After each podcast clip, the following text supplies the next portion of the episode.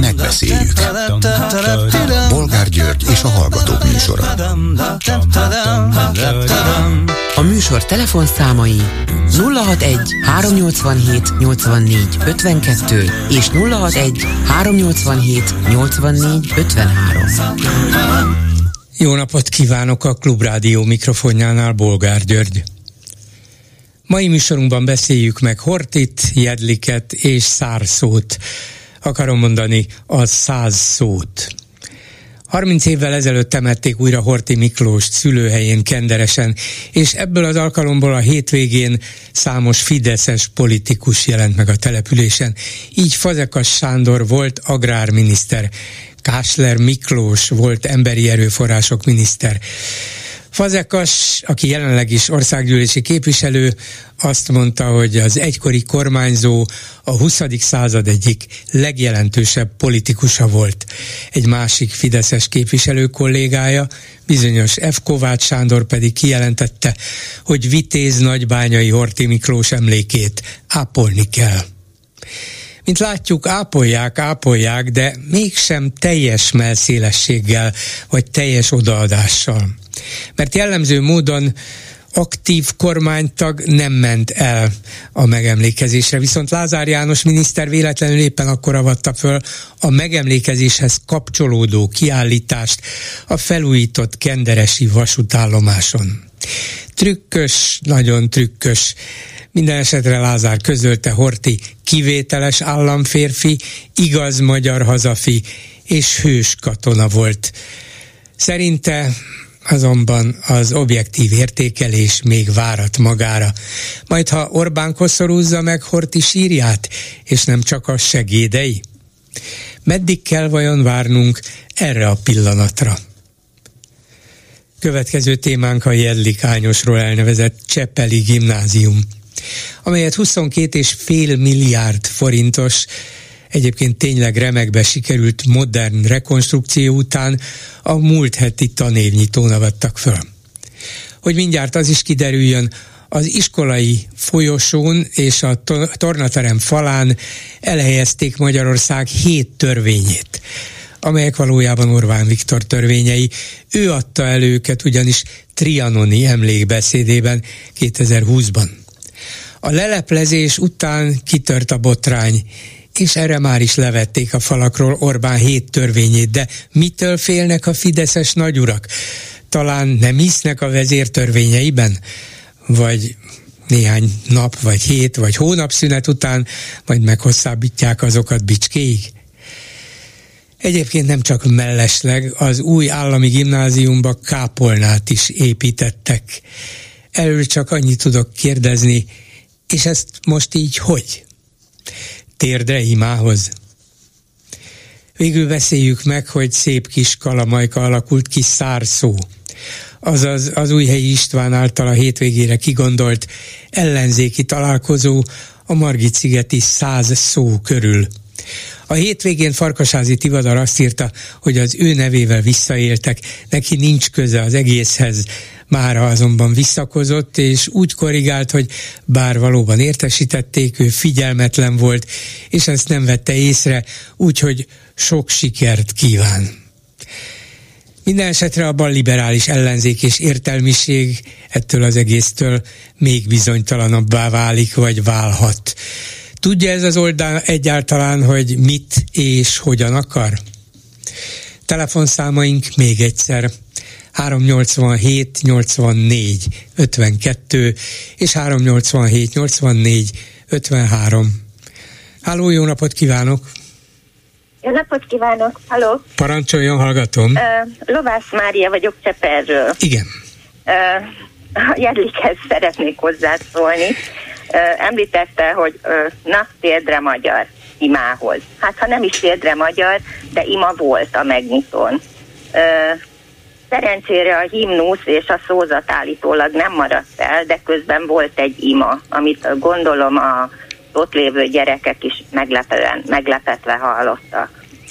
Hát ezek szerint, ennyi, és ennyire nem volt véletlen, hogy kápolnát is építettek ebbe az új, és Igen. a képek alapján gyönyörű gimnáziumi. Igen, hát én csak kívülről láttam, később vettem észre, hogy, hogy lehetett volna állítólag be is menni egy uh-huh. délután megnézni, na mindegy, én arról lemaradtam. Hát ahhoz képest mondjuk, hogy 5 milliárdról indult, és 22 milliárd lett a tervekben, én úgy emlékszem eredetileg, uszoda is szerepelt, na most a tápolna meg lett az uszoda, az nem.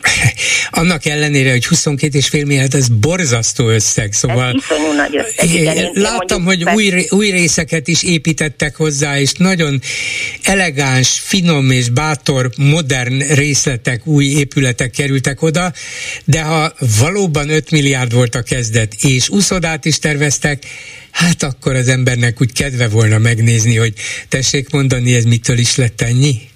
Pontosan, pontosan, és tulajdonképpen a, az új részben nem tantermek vannak, hanem hát előadóterem, a kápolna, könyvtár, biztos, hogy sok hasznos dolog van, hatalmas terekkel, Ilyen szabadtéri sportpályát láttam. hogy jó dolog lesz oda járni a gyerekeknek, csak a körülmény. És én ezzel kapcsolatban tulajdonképpen, hát túl azon ugye, hogy én én fel vagyok háborodva ezen a kápolnán, még a kápolnán talán nem is annyira, de az, hogy az évnyitón a gyerekeket ott térdre, ha nem is térdre kényszerítik, de fölállni kell, és elhangzik egy ima, ahol, ahol a német Szilárd rezsibiztost éltetik és, és áldják, hát az egy, az egy fel, felháborító dolog.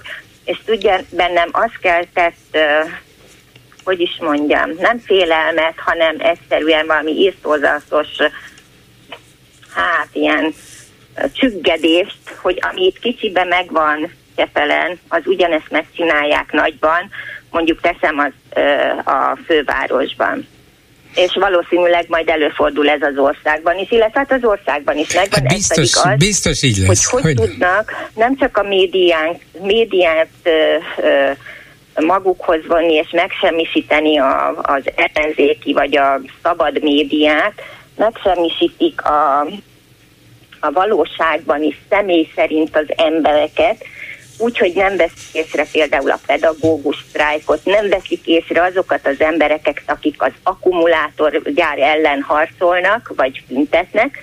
Na most itt a jedlikes uh, um, avatáson nem vették észre például a Borbé Lénárdot, akit én személy szerint igazán nem kedvelek, nem is szavaztam rá, de tulajdonképpen a Jedlik avaton a Borbé Lénárd szóhoz nem került.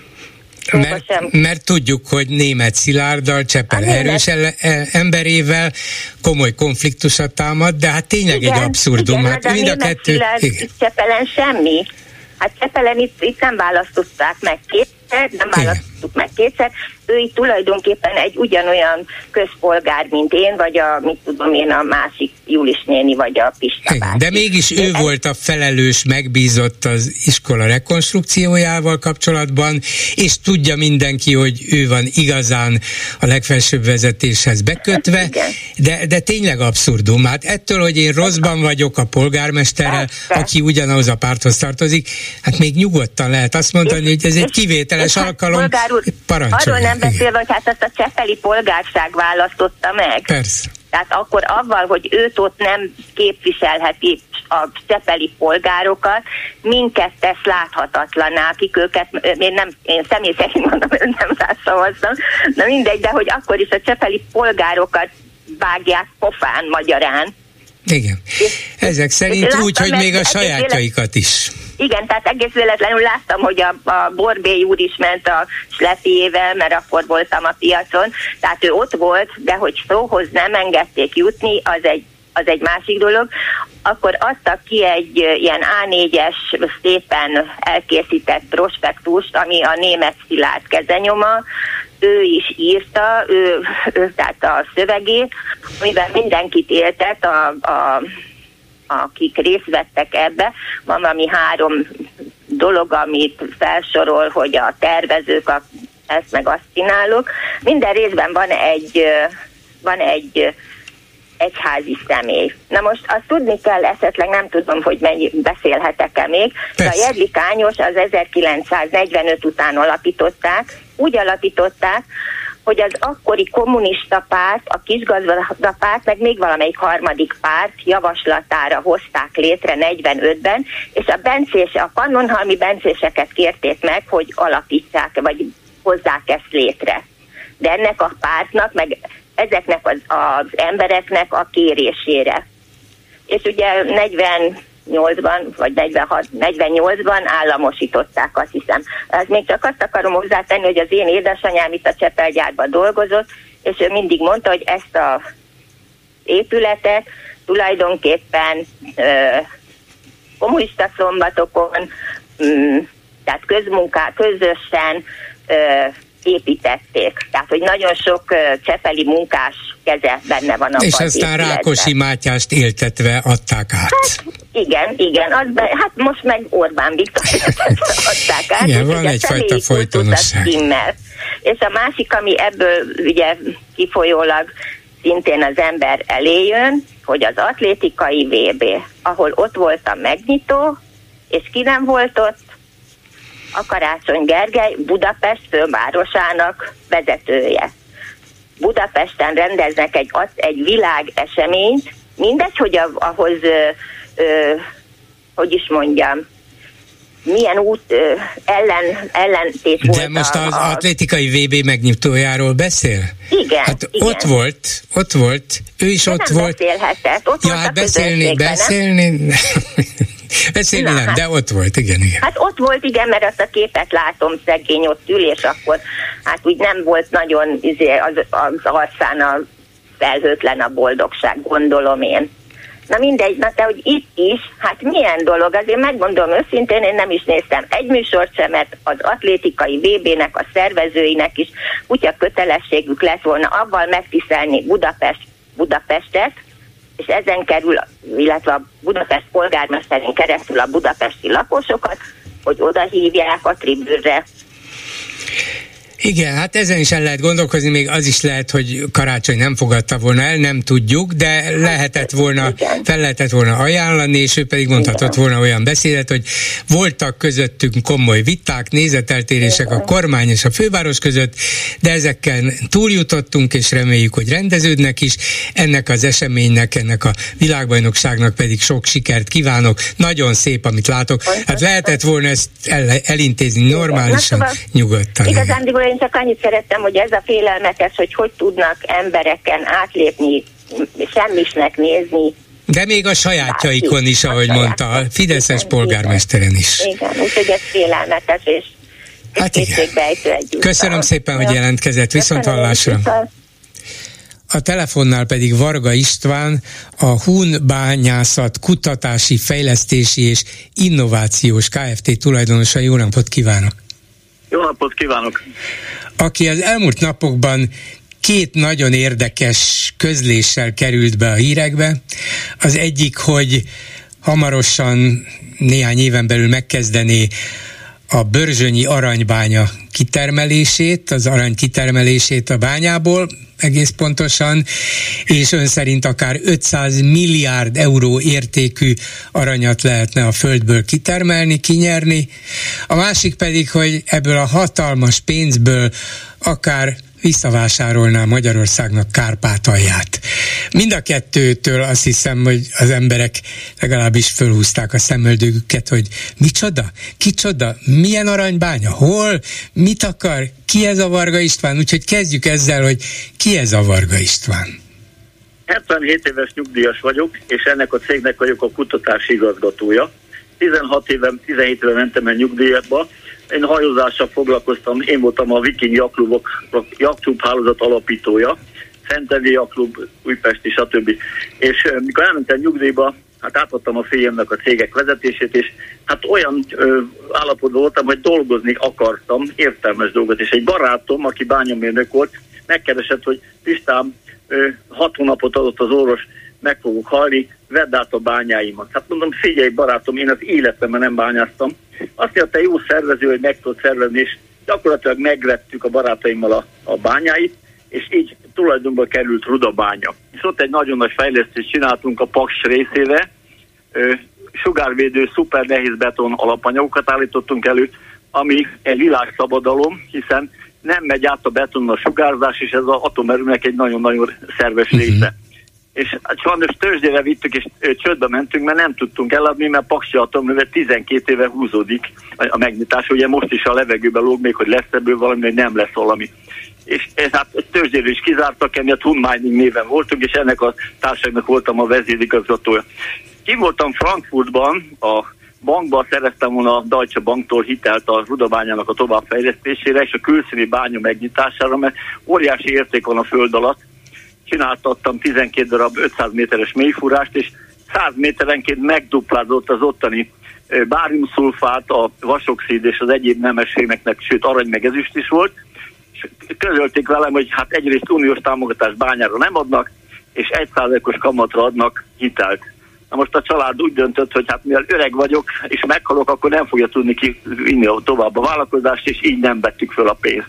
Viszont letettek az asztalomra egy anyagot, amiben az volt a egészre írva, hogy hitelkérelem Börzsöny aranybánya nyitásra 1995, oda volt írva a kockázatkezelési nyilatkozat, hogy elbírálva a beadott anyag alapján most egy Deutsche Banki kockázatkezelési csoport, az, ha azt mondja egy aranybányáról, van arany, mert bizonyítékok be voltak csatolva, akkor azt mondtam, engem ez viszont... Na de 1995-ben kiadta be a Deutsche Bankhoz ezt az anyagot?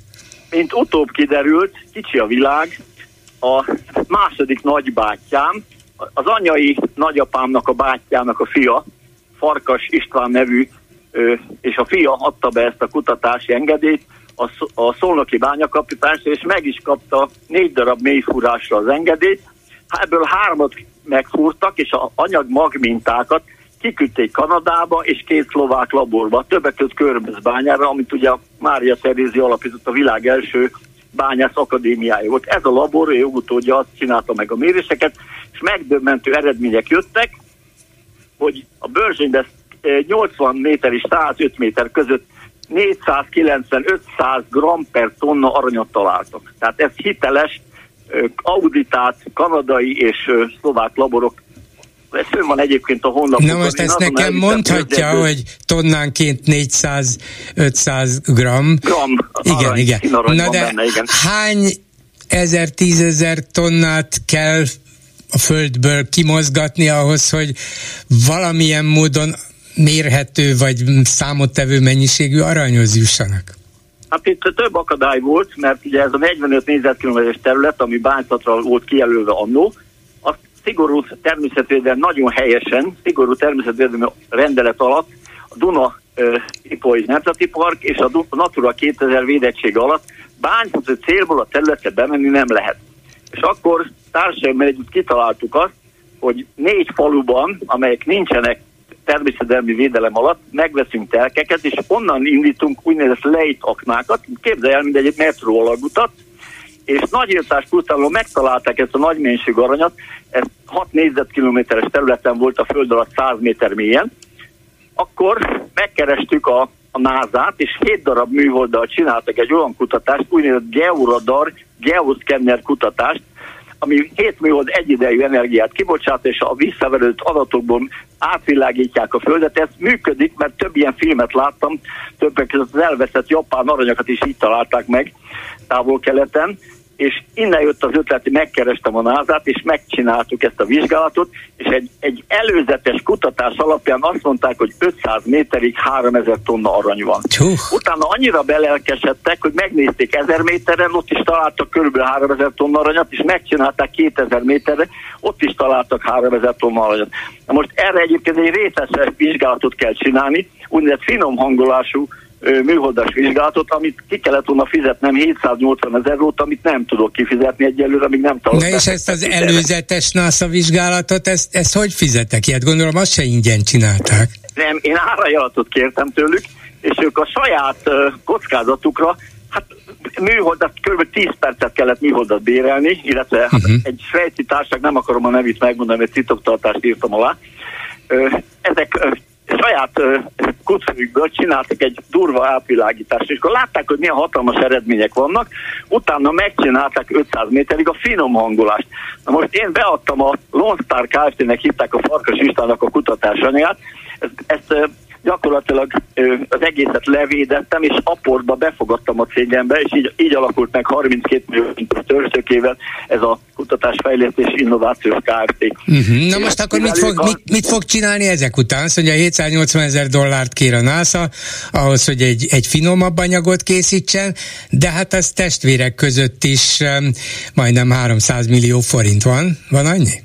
Igen, nincsen Na most a legmegdöbbentőbb az, hogy ezt én ugye közdiadtam a sajtónak, és ezt megírták, és sajnos a Miskolci Műszaki Egyetemnek a szak professzorai egyikük azt nyilatkozta, hogy nem nyilatkozik, ez egy úriember volt, a másik professzor meg azt nyilatkozta, hogy bőrzsönben nincs arany. Uh-huh. Tehát a magyar bányászati kutatók egyetemi szinten, úgy aztán a bányászati hatóság sem ismerte ezt a georadar technológiát.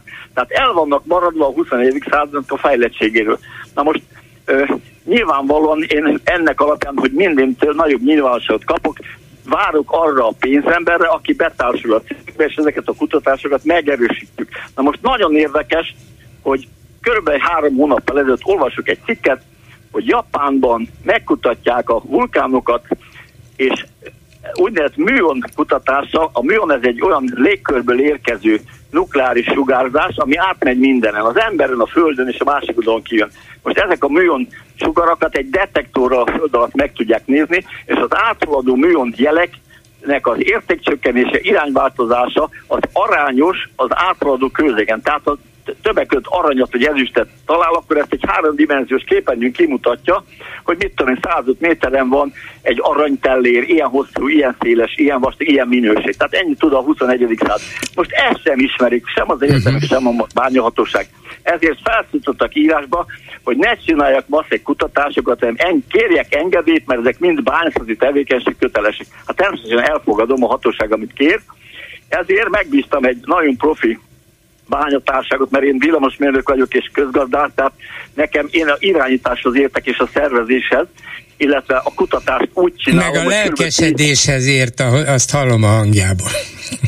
Igen, és uh, gyakorlatilag tíz olyan profi kollégával dolgozom, aki bányamérnök, geológus, és a, ennek megfelelő, aki fúrásokat csinálta, a négyes metrót fúrták itt Budapesten. Ez a társág árajánlatot adott, hogy megfúrják, és le tudunk menni Nagyírtás pusztán 105 méter, 64 méter mélyen, és ott megépítünk egy 3000 négyzetméteres csarnokot, ahol robotokkal fogunk bányászni, robotokkal fogunk anyagot letörni, és szállítószalagon visszahozunk. Jó, ez, ez, ez már szinte szifi, hogy egy 3000 négyzetméteres üzemcsarnokot építenek a föld alatt 50-60 hát méter. Ez normális dolog, hát a második világháborúban a németek messzesmit üzemeket csináltak Én értem, na de hát ehhez milliárdok kellenek, és azt mondja, hogy nincs, nincs 300 milliója a NASA-ra. Körülbelül 10 társaság keresett meg a világ leghíresebb bányatárságai. Azt mondták, ha megvan a politikai akarat, akkor beszállnak a cégbe. Tehát Na most elmondom önnek, illetve a kedves hallgatóknak, hogy 1847-ben Párizsban beegyeztek egy alábbi nevű részvénytársaságot, Börzsöny, Magyarország, Aranybánya részvénytárság 1847-ben kiegyeztette be a Herteg Primás és a Esztergomi jegyző. Nyilván nem lett belőle semmi, eladtak ezer részvényt, bocsánat, aki 500 körül eladtak azonnal, közben jött a forradalom és szabadságot, tönkrement. Utána 1930-ban ugyanezt megismételték, az akkori Primás és az akkori Esztergomi jegyző beadta, ugyanaz ő területükhöz tartozott a bőrzsöny, közigazgatásilag, és ugye azt meg elvitte a második világháború. Most 1945 és 55 között a Magyar Nemzeti Bank öt különböző fúrást csinált, amit titkosítottak. Tehát semmi nincs publikálva, semmi nincs közöttéve. Egyszerűen a bányahatóságnál kérte betekintést, nem találtam semmit. Na de lehet, Most hogy ők meg... se találtak semmit, nem erről van szó? Hát nem, biztos, nem, hogy Rudabányán ezüstöt rezet bányáztak, de... tartozik hozzá, amit elmondtam. Hmm. Viszont 1995-ben, amit a Farkas István és a fia megtalált, és ezt a bányakapitányságnak leadott, és nálam vannak az eredeti levelek, ami 23 még el voltak egy bécsi bankba zárva, a kutatási auditált eredmények, amit azonnal egy bécsi meg egy magyar közjegyzőni hitelesítettem, és ezt apportálták a cégembe, és gyakorlatilag ezzel bizonyítanom, hogy ott valóban van arany, most a mennyiségen és a minőségén megy a vita. Most kim voltam a szlovák laborba, ahol megállapították, hogy ez termés arany és termés ezüst, ami azt jelenti, hogy vízzel mosható. Tehát nem kell cián, nem kell semmiféle vegyi beavatkozás, hogy ez egyszerűen úgy, mint a, a kanadai vadonba, meg a, a nagy folyóknál mossák az aranyat a parti fövenyből, ugyanúgy a föld alatt levő aranyat. Ja, vigyázzon, minél több ilyet mond, annyi, annyival több aranybányász indul el Magyarország felé, hogy hát na majd ők kimossák. Én levédettem mindent, helyszínt, minden technológiát, tehát még már labdában nem rúgnak mellettem, uh-huh. és gyakorlatilag ezt meg fogom csinálni. Most körbe három hétről leszünk kész a úgynevezett kutatási, a koncesziós kutatási műttel, ugye, mert a törvény azt mondja, ami föld alatt van, az a magyar állam tulajdona. Ha én beadom a kutatási műszaki üzemi tervet, és ezt jóva hagyják, akkor ki kell írni nekik egy koncesziós pályázatot. A koncesziós pályázatban nyilván indulni fogok, nyilván ha kiírják, akkor ez nemzetközi tender lesz, nyilván nagy harc lesz érte, de mivel az összes szakmai oltalom az az én nevemen van, ez a társágunk nevén van, ezért nem tudnak beelőzni még politikailag sem. Hát érdekes, de hihetetlen dinamizmust érzek ki a szavaikból. Ön ebben abszolút hisz, és hát, hogy 500 milliárd euró értékű arany lesz-e, vagy csak 5 milliárd, még az 5 milliárd is sok, ez tulajdonképpen ebből a szempontból mindegy. Sok sikert kívánok önnek, de azt miért mondta valahol, hogy egyébként, hogyha ez meg lesz, akkor visszavásárolná Magyarországnak Kárpátalját. Hát gondolom ön is tudja, hogy ez nem eladó. Hát nem így van, mert az Antal kormány alatt a Jeszenszki és az Antal kín volt Kievbe egy titkos tárgyaláson, ahol 150 millió dollárt kértek a Kárpátaljái, és az, or, az a kormány nemet mondott, mert üres volt a kasszája. De ugye úgy sze, igen, szerintem ezt Jeszenszki Géza kapásból, fordulásból cáfolná, és hát én nem is tudom elképzelni. Hát ő volt ott, nem? Ő volt ott ő volt ott pedig egy ilyen titkos tárgyalásot, és nem tudtuk megvenni. Méghozzá népszavlás is tartottak, 87% a lakosságnak, még a ruszénok, rutének is a magyarok mellett szavaztak. Ne, ne, de, de nem, nem, a legfőjebb Kárpát alja önállósága mellett, de azok nem a magyarok önállóságára szavaztak, mert Kárpát alja lakosainak többsége nem magyar, akkor se az volt.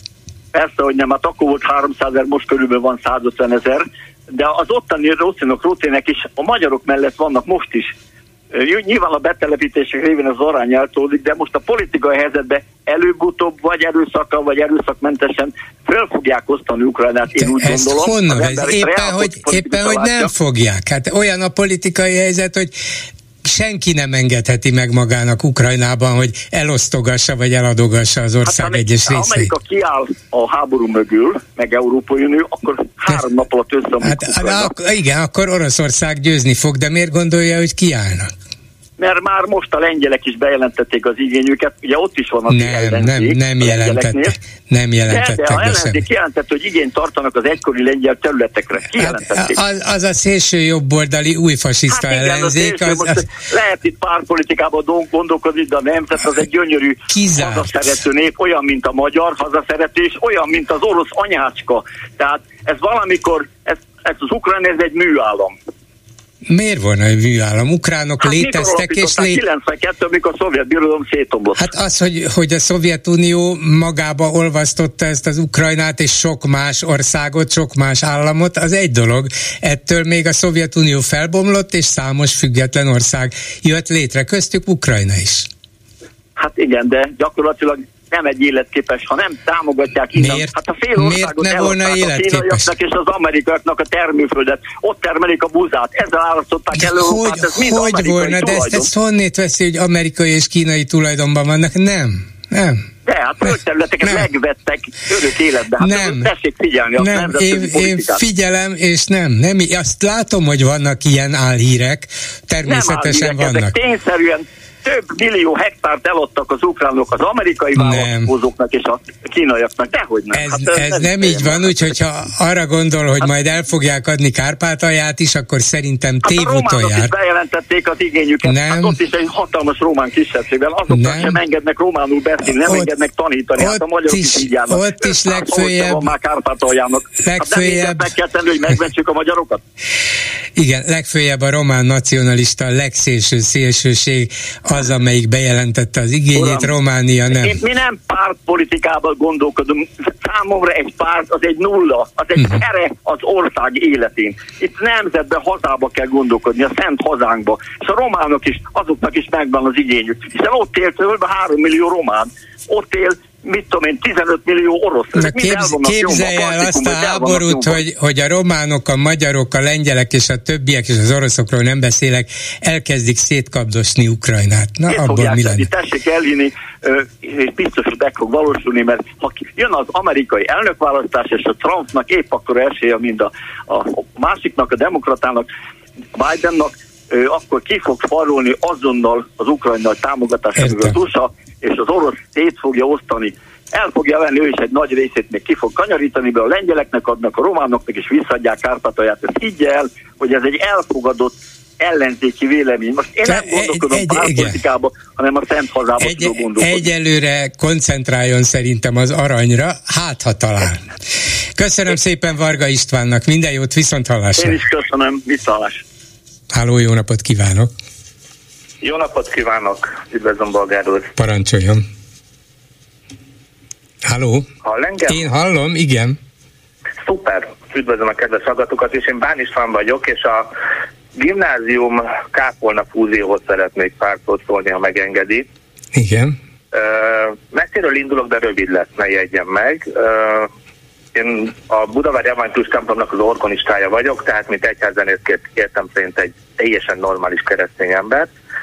És a Faszori gimibe jártam, nekünk nyitották meg 89-ben, az fantasztikus volt a rendszerváltáskor. Öt első osztály indult, és én emlékszem arra, hogy hát a történelmi egyházak mind képviselve voltak természetesen, református, evangélikus, katolikus, zsidók, és volt egy sintoista srác, ő választhatott, azt hiszem, hogy evangélikus lett végül. Uh-huh.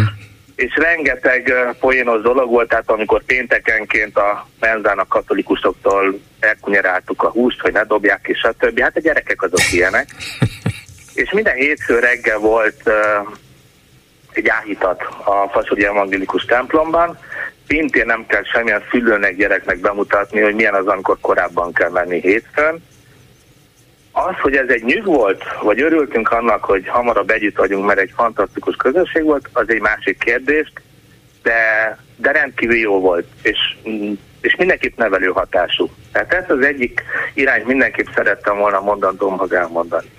A másik, hogy egy képzavarban vagyunk ma Magyarországon. Én egy klasszikus, deklasszált poliszor, arisztokrata családból származom. A konzervatívot úgy értse, hogy értékalapú, nem ideológiai. És, és mi mindig is ezt szerint éltünk a családban. Fontosnak is tartom ennek a fennmaradását. Minden mellett a keresztény egyházak világszerte hanyatlásnak indultak. Sajnos. Ez, de most nem menjünk bele, hogy miért. Rengeteg Igen. hatás úgy dúdul az egyházakra, amik nem segítik a működésüket, és ott is vannak hibák, amit megfordítva nem indukálják azt, hogy többen jöjjenek. Igen. És azért próbáltam innen megközelíteni, mert önmagában az, hogy egy gimnáziumban van egy kápolna, az szerintem egy fantasztikus dolog, mert bárhogy vesszük, itt Közép-Európában mi a keresztény kultúrkörhöz tartozunk, és ahogy mondtam, a Pasori gimiben is az elfogadás, az a minimum volt. Tehát a kereszténységnek a legfontosabb dolga az, hogy mindenkit befogadjon és elfogadjon, és természetesen a Krisztusi szeretetben segítsen. És emiatt én az ilyet azt mondom, hogy mindenképp támogatni kell. És most jön a másik aspektusom, azt hiszem hétvégén volt a Parakovács vendég, és nem műsorvezető, ha jól emlékszem. Igen, klub, dé- klub délelőttben, igen. Uh, ott beszéltek a magyar keresztény demokráciáról. Hát ismerjük a parakovácsot, hogy ilyen mérhetetlen mennyiségű dolgot tud egy percben elmondani, úgyhogy az ember csak fogja a fejét. De volt egy olyan mondata, hogy most mindent összefoglalok ebben a mondatban, a magyar keresztény demokráciáról, hogy hát képzeljük el Semmilyen Zsoltot, amikor majd az utolsó ítélet az odáll, hát nem az lesz a legjobb napja. Igen, volt valami ilyen, emlékszem. És erre próbáltam utalni, mert én azt mondta, hogy térdre imához. És a térdre imához az olyan történelmi korokat idéz, aminek semmi köze nincs a keresztény hithez, és én szeretném önöket kérni, nagyon sokat hallgatom önöket, hogy ne keverjék össze a keresztény hitet és a magyar keresztény demokráciát, mert ezzel rengeteg embernek tudnak a hallgatók között fájdalmat okozni. Igyekszem nem összekeverni, és szerintem, szerintem Parakovács sem keveri össze, ő is azt látja, és nyilván arról mond egy pár fanyarul kemény mondatot, hogy, azt hogy álságos és álszent. Röhögtem, bolgár úr, hát természetesen, igen. tehát én sem vagyok hülye, mondtam, hogy egy, egy józan családban nőttem fel, igen, igen, maradtam. Igen csak Persze. azért térdre imához, ez megbánthat keresztény embereket, és én De hát ugye én ezzel a, az egykori Fideszre utaltam, mert ez a parlamentben hangzott el. Igen, igen. És, tudom, és megint a, a... is figyeljenek oda. Értem, jó, hajlandó vagyok ezen elgondolkozni, és lehet, hogy nem is helyes volt föltennem, bár úgy érzem, hogy amikor a politikába beszivárog a vallás, akkor, akkor ott mindig nézzük ezt gyanakvóan. És akkor visszatérek az ön alapvető megállapítás, hogy ön sához, hogy ön szerint jó az, hogy ebben a felújított Csepeli gimnáziumban létesítettek egy kápolnát. Egyébként a képek alapján az is nagyon szépre sikerült. Tehát azt kell mondanom, hogy ami ott építészet, amit látni lehet ebből képeken, az ragyogó, és, és ezt valakinek nyilván engedélyezni kellett, jóváhagyni kellett, szép volt, szép ma is. De mégis úgy gondolom, hogy a Fasori Evangélikus Gimnáziumban természetesen helye van a vallásnak, az egyháznak. Egy állami gimnáziumban pedig mindenki legyen olyan, amilyen, vagy amilyen akar, vagy ne, ne legyen ott az a lehetőség, hogy hát egyébként akkor te most félrevonulhatsz, és, és beszélgethetsz Istennel, mert az egyik ilyen, a másik olyan. Nem kell ezt a különbséget érzékeltetni a diákokkal, hogy hát vannak az igaz, becsületes magyar fiatalok, akik bemennek a kápolnába, meg vannak azok, akik ezt távolról elkerülik. Nem szabad ilyen választás elé állítani a diákokat egy állami iskolában.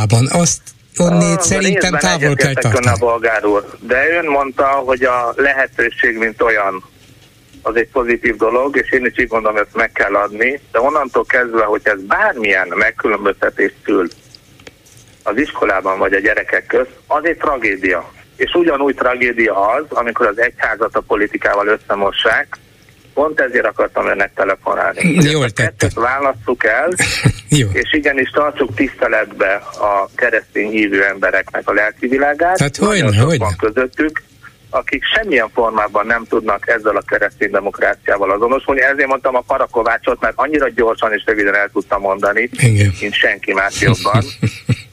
De, Igen. de Jó. nagyon fontos az, hogy egységben legyen most pozitívan mondom, a magyar nemzet a különbözőségekkel együtt. Igen. Hogy mindenki ugyanúgy tudjon a másikra nézni, és ez ezért volt nagyon jó szó, amit ön mondott a lehetőség. Igen, és Azt hogy legalább megadni. próbáljuk megérteni egymást, ez volna, amire törekedni kellene. Pontosan, ugyanúgy gondolkodunk. Köszönöm Szeretem szépen. Volna ezt az aspektust hozzátenni. Jól tette, köszönöm, hogy hívott, viszont hallásra. Köszönöm, hogy meghallgattak, minden jót kívánok, viszont hallásra. A telefonnál pedig Romsics Ignác Széchenyi díjas történész. Jó napot kívánok! Jó napot kívánok! Hát 30 éve temették újra kenderesen Horti Miklóst, és ebből az alkalomból néhány fideszes politikus ellátogatott a településre, és megint méltatni kezdte Horti Miklóst, emlékét ápolni kell.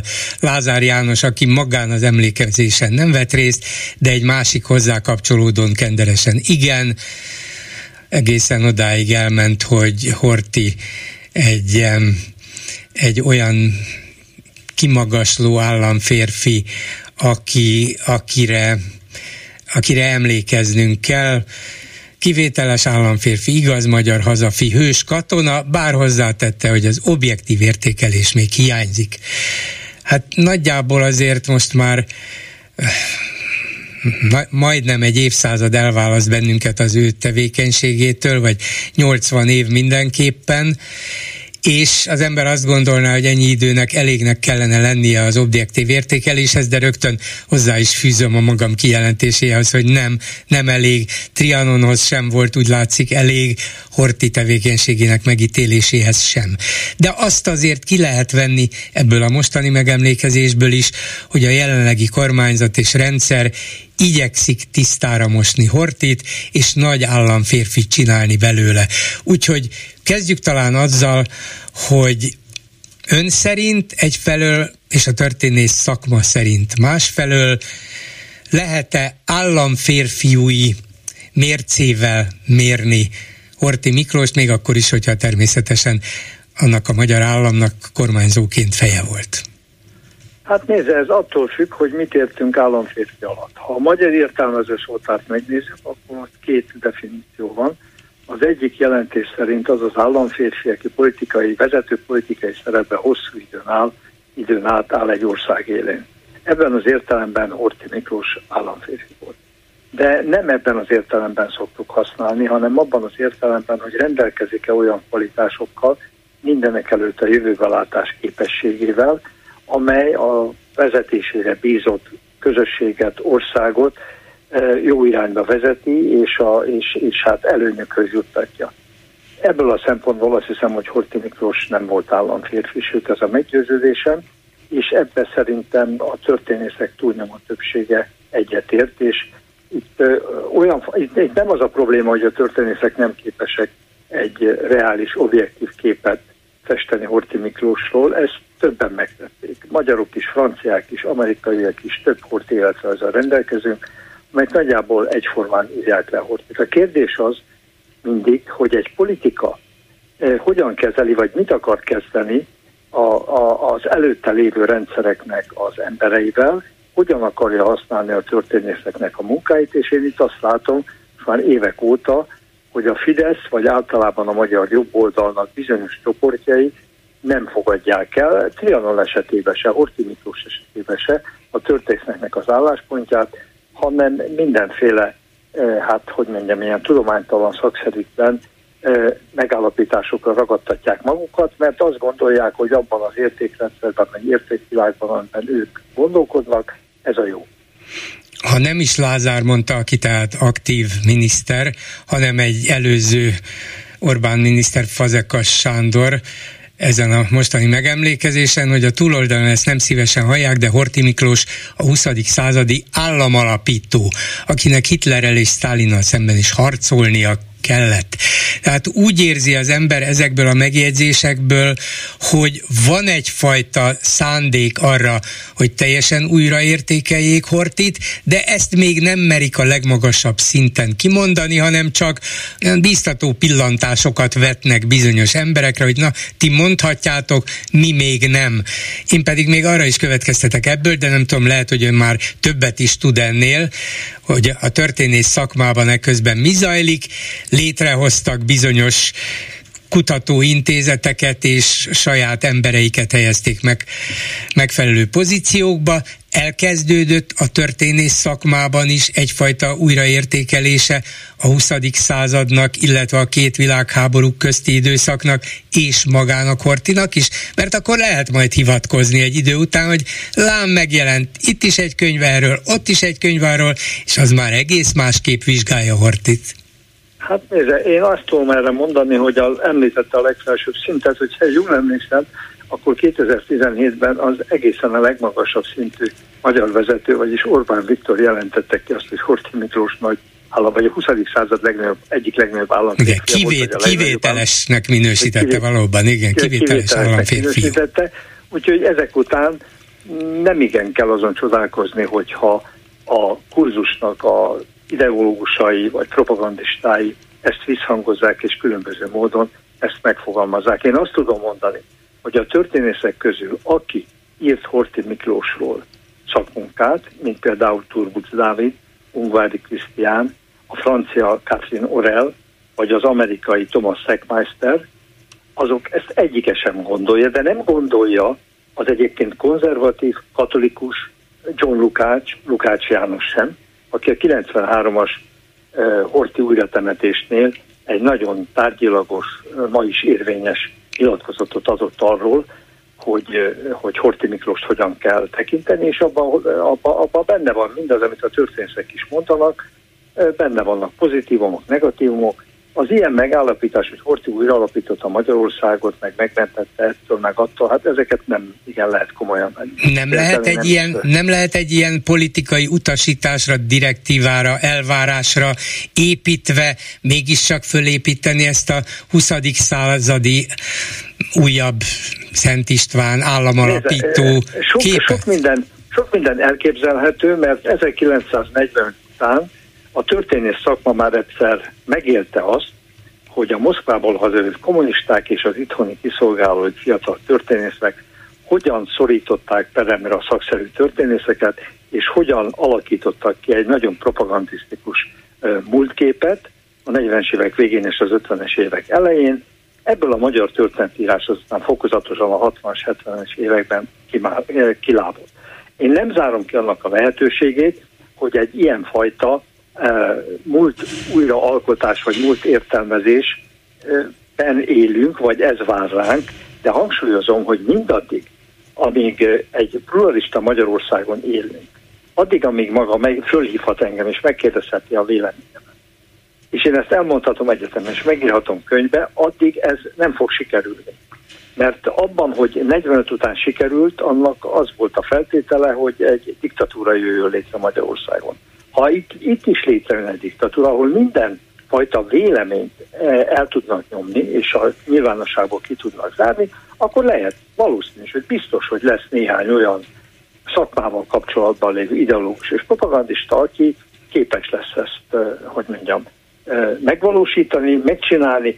Én amennyire ismerem a szakmánkat, a korszakkal professzionális módon foglalkozó történészek közül ezt senki nem osztja.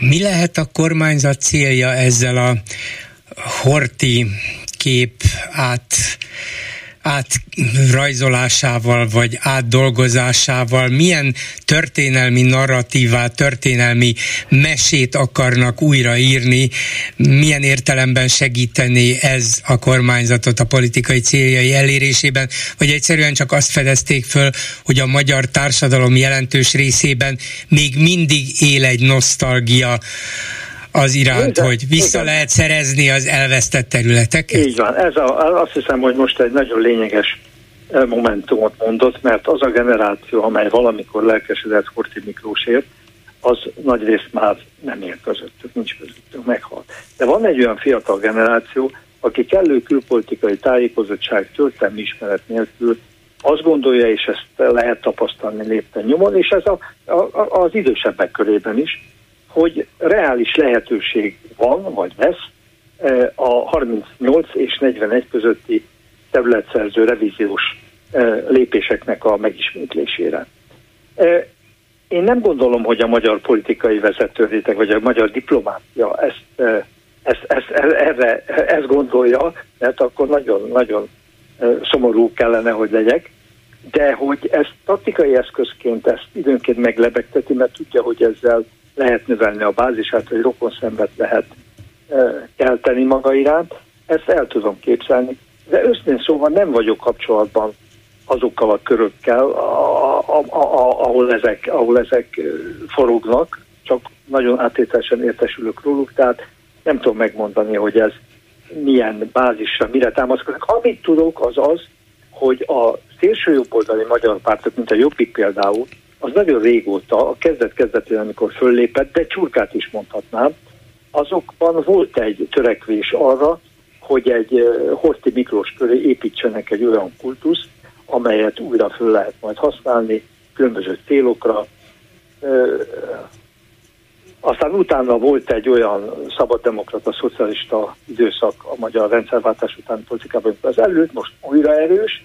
Én arra emlékszem, vagy hogy mondjam, leragadtam, leragadtam 89, 90, 91 körül, amikor az volt az elgondolásunk, hogy a kommunista hősök után egy olyan demokratikus Magyarország fog épülni, amelynek a múltképét is a demokráciának a élharcosai fogják benépesíteni, a Petőfitől elkezdve Adi Endréig, Jászi Oszkártól Nyibó Istvánig, és így tovább Kétségtelen az történt, hogy ezek a számomra fontos és irányozó személyiségnek a szerepe elhalványult, és hát és, és a, ezeket a konzervatív személyeket helyezik előtérbe, de itt is hangsúlyozni szeretném, hogy a konzervativizmus az én fogalmaim szerint sem szitokszó.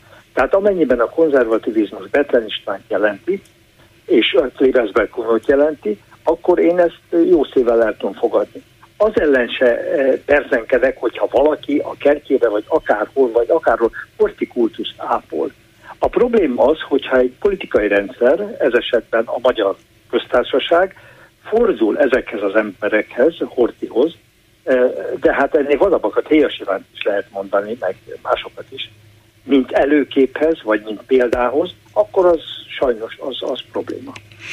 Köszönöm szépen Romsics Ignác történésznek, minden jót, viszont hallásra. Én viszont hallásra.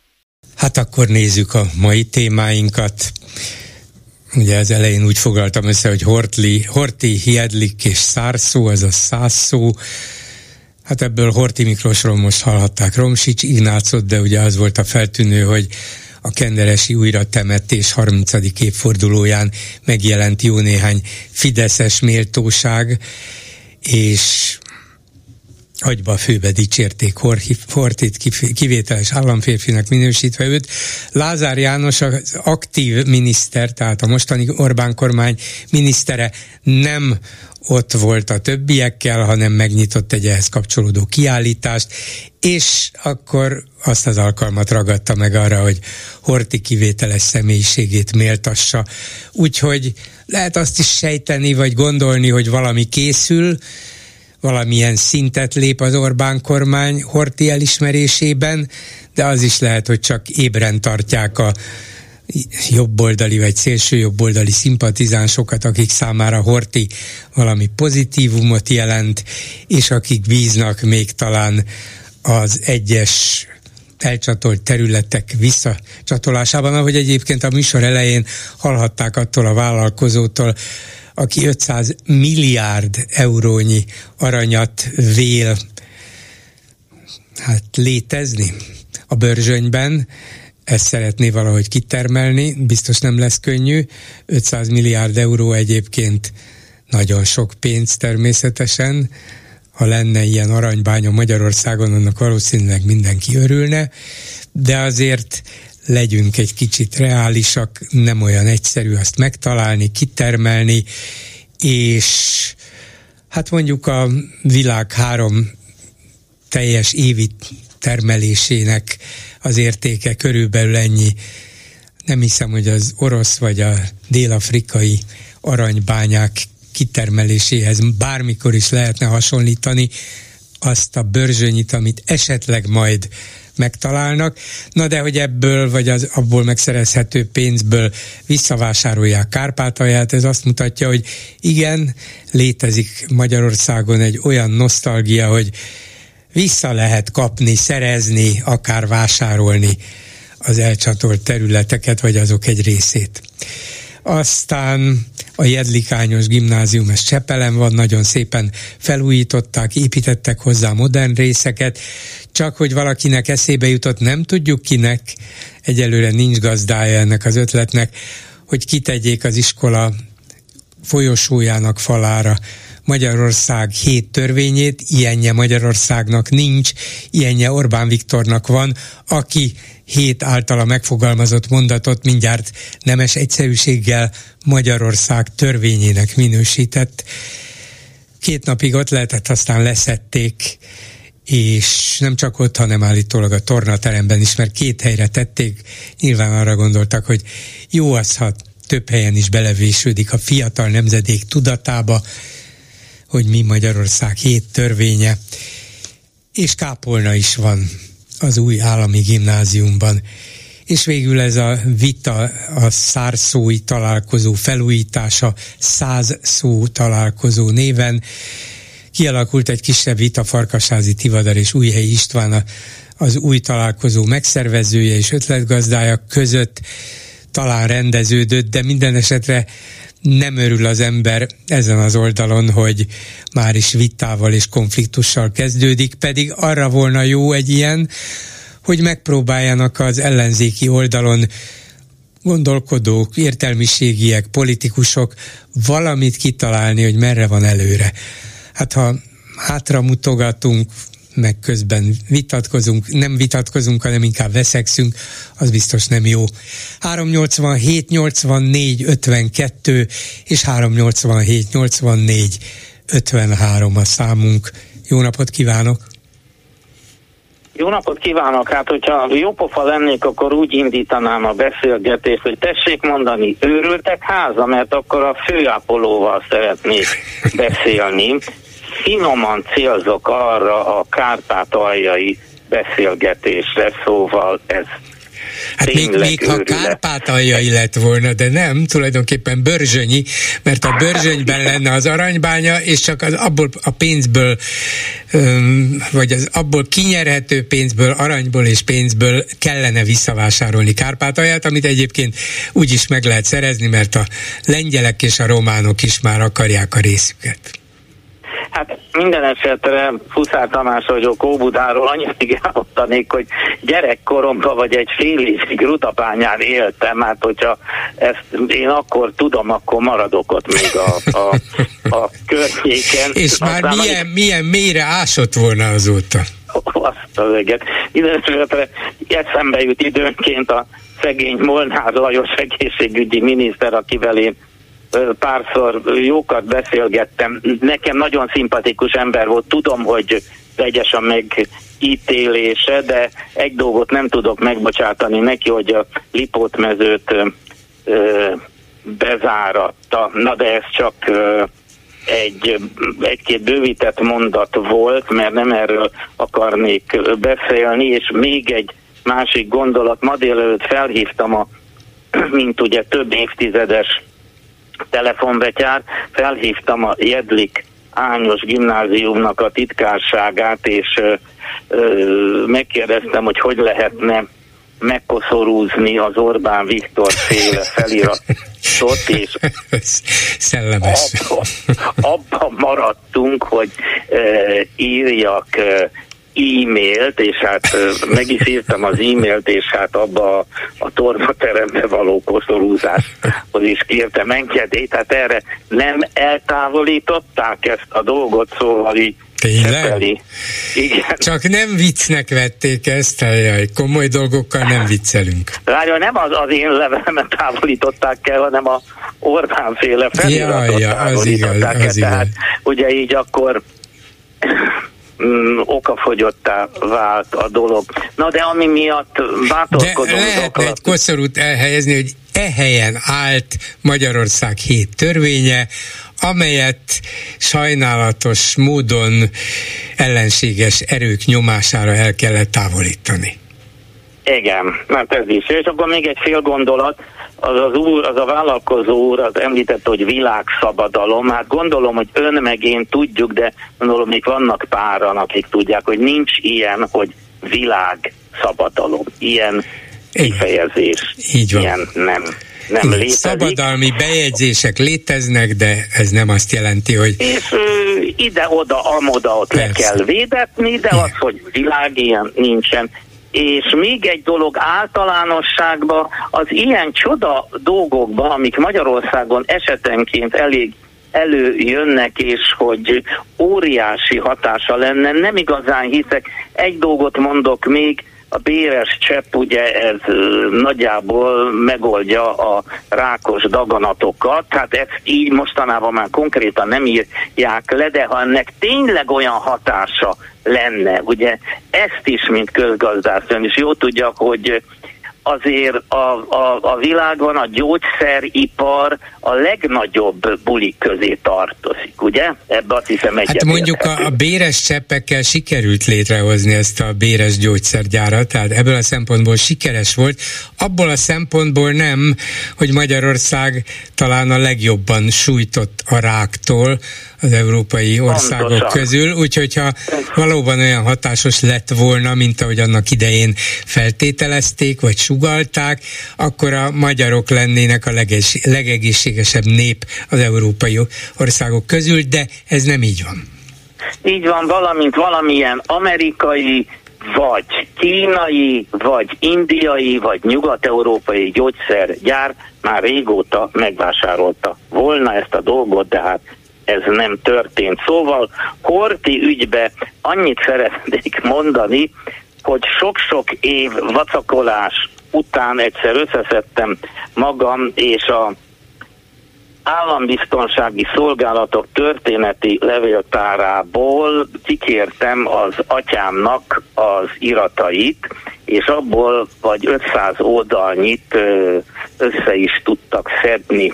Te jó, Neki, hát, ilyen bűnös tevékenységet folytatott az édesapja? Hát volt, volt, volt neki minden, mindenféle.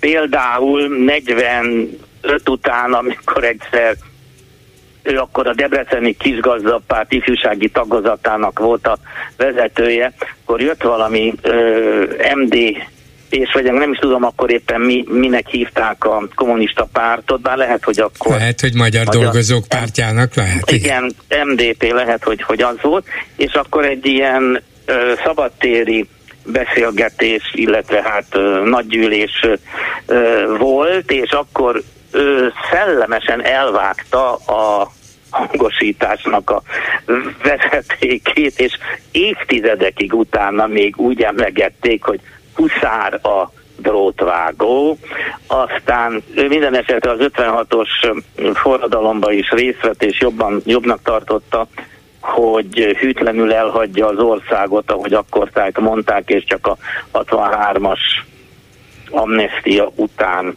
tért haza. Na, Na de saját, magam, saját magamról is kikértem az iratokat, tehát szégyen szemre én csak 50 oldal így voltam érdekes. Hát azért, az is elég rovott múlt. Na de mindennek Hortihoz mi köze? A következő, hogy képzelje el, hogy abból az 500 oldalból olvastam ki, hogy annak idején a nagyapám meg az atyám Hortival vadásztak. Tehát agyam, agyam megáll. Egyébként ez még hozzá kell tenni, hogy a nagyapám egy, egy darabig kenderesen kenderesen lakott, tehát akkor gondolom, hogy... Huszár úr, hát mindebből, amit most elmond, csak néhány mondatban. Az derül ki, hogy önnek ott lett volna a helye a fideszes vezetőkkel együtt, koszorúval a kezében. Hát szégyellem, szégyellem magam. 92 körül, amikor a mm, Tarlósféle önkormányzatban ugye még együtt küzdöttünk az Istvánnal, és akkor egy KDNP-s képviselővel beszélgettem így a felmenőimről, és akkor ő azt mondta, hogy hát te mit keresel itt ezeknél, mármint az SZDF? Mert a nagyapámnak az volt a, a az összes titulusa, hogy azt mondja, Nagyajtai és Erdőbényei nemes nemzetes vitéz Huszár Endre, ezredes, református esperes tábori főlelkész.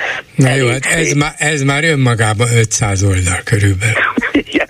Na, lényeg a, lényeg a lényeg, tehát együtt vadáztak Hortival, az agyam megáll, mondjuk egyikőjüktől se hallottam erről történetet. Én nagyon sajnálom, hogy nem, bár még az ő életükben is, mert javarészt érdekelt engem a, a, a, a politika, de valahogy erről, erről nem is tudom, hogy miért, miért nem ö, beszélgettem, pedig hát érdekes dolgok voltak. Egyébként még a Hortival kapcsolatos dolog az, hogy a 60-as, 70-es években nyilatkozott egyszer egy kisebb társaságban nagyapám, hogy bármennyire is, hát ő, ő valódi konzervatív volt, tehát nem ilyen semmilyen vagy Orbán, vagy mit tudom én, német Szilárd, vagy ilyesmi, hanem valódi konzervatív illető volt. Szóval akkor ő azt mondta, hogy azt el kell ismerni, hogy a Kádár rendszer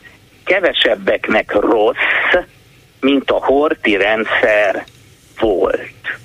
Azért ez elég érdekes egy hát, ilyen háttérrel. Igen rendelkező illetőtől. Egyébként neki Hajdúsámsonba, ez Debrecentől vagy 8-10 kilométerre levő község, hát most gondolom már város volt, ott volt a vitézi birtoka, meg rajta, hát gondolom, hogy inkább kúria volt az, de a amit ugye, hát az a vitézi rend ugye szorosan kötődik Hortihoz, a, a helyi benszülöttek mondták, amikor nem voltam, a kárpótlási jegyek ügyébe Hajdúsámsomba, és úgy szétnéztem volna, és akkor mondom, hogy ki vagyok, azt mondja, csak nem a félkezű lelkésznek az unokája. Tehát képzelj el, hogy vagy 45-50 év múlva is még úgy emlékeztek ezekre a horti, hát áttételesen uh-huh. hortista dolgokra. Szóval ö, érdekes ez a horti. Minden esetre nekem a sem a nagyapám, pláne nem az atyám soha nem dicsérte a, a hortit, nem volt, nem volt téma. Még annyit, hogy ugye körülbelül 300 forint volt a, a volt hortista katonatiszt nagyapámnak a nyugdíja annak idején, és összeállította annak a 40 honvéd teológusnak az életrajzát, akik amikor elvégezték a Debreceni kollégiumot, akkor önként és dalolva kivonultak a frontra, az első világháború, összeállította nekik az életrajzát. És a 60-as években ezt ki akarta vinni, amikor meghívták Egyesült Államokba, ezt ki akarta vinni, de hát ezt ő lelevelezte először, és hát aztán hegyes halomnál leszállították a vonatról. Más, ahogy, is, más is elolvasta, igen. Ahogy kellett. Tehát ennyit többek között Hortiról, tehát mindentől függetlenül, hogy a felmenőimnek nullától több köze volt Horti Miklóshoz, én inkább, meg nem inkább, hanem tiszta erőből az ön, meg a Romsics történész úr és a hasonló felvilágosult és civilizált gondolkodóknak a véleményét osztom.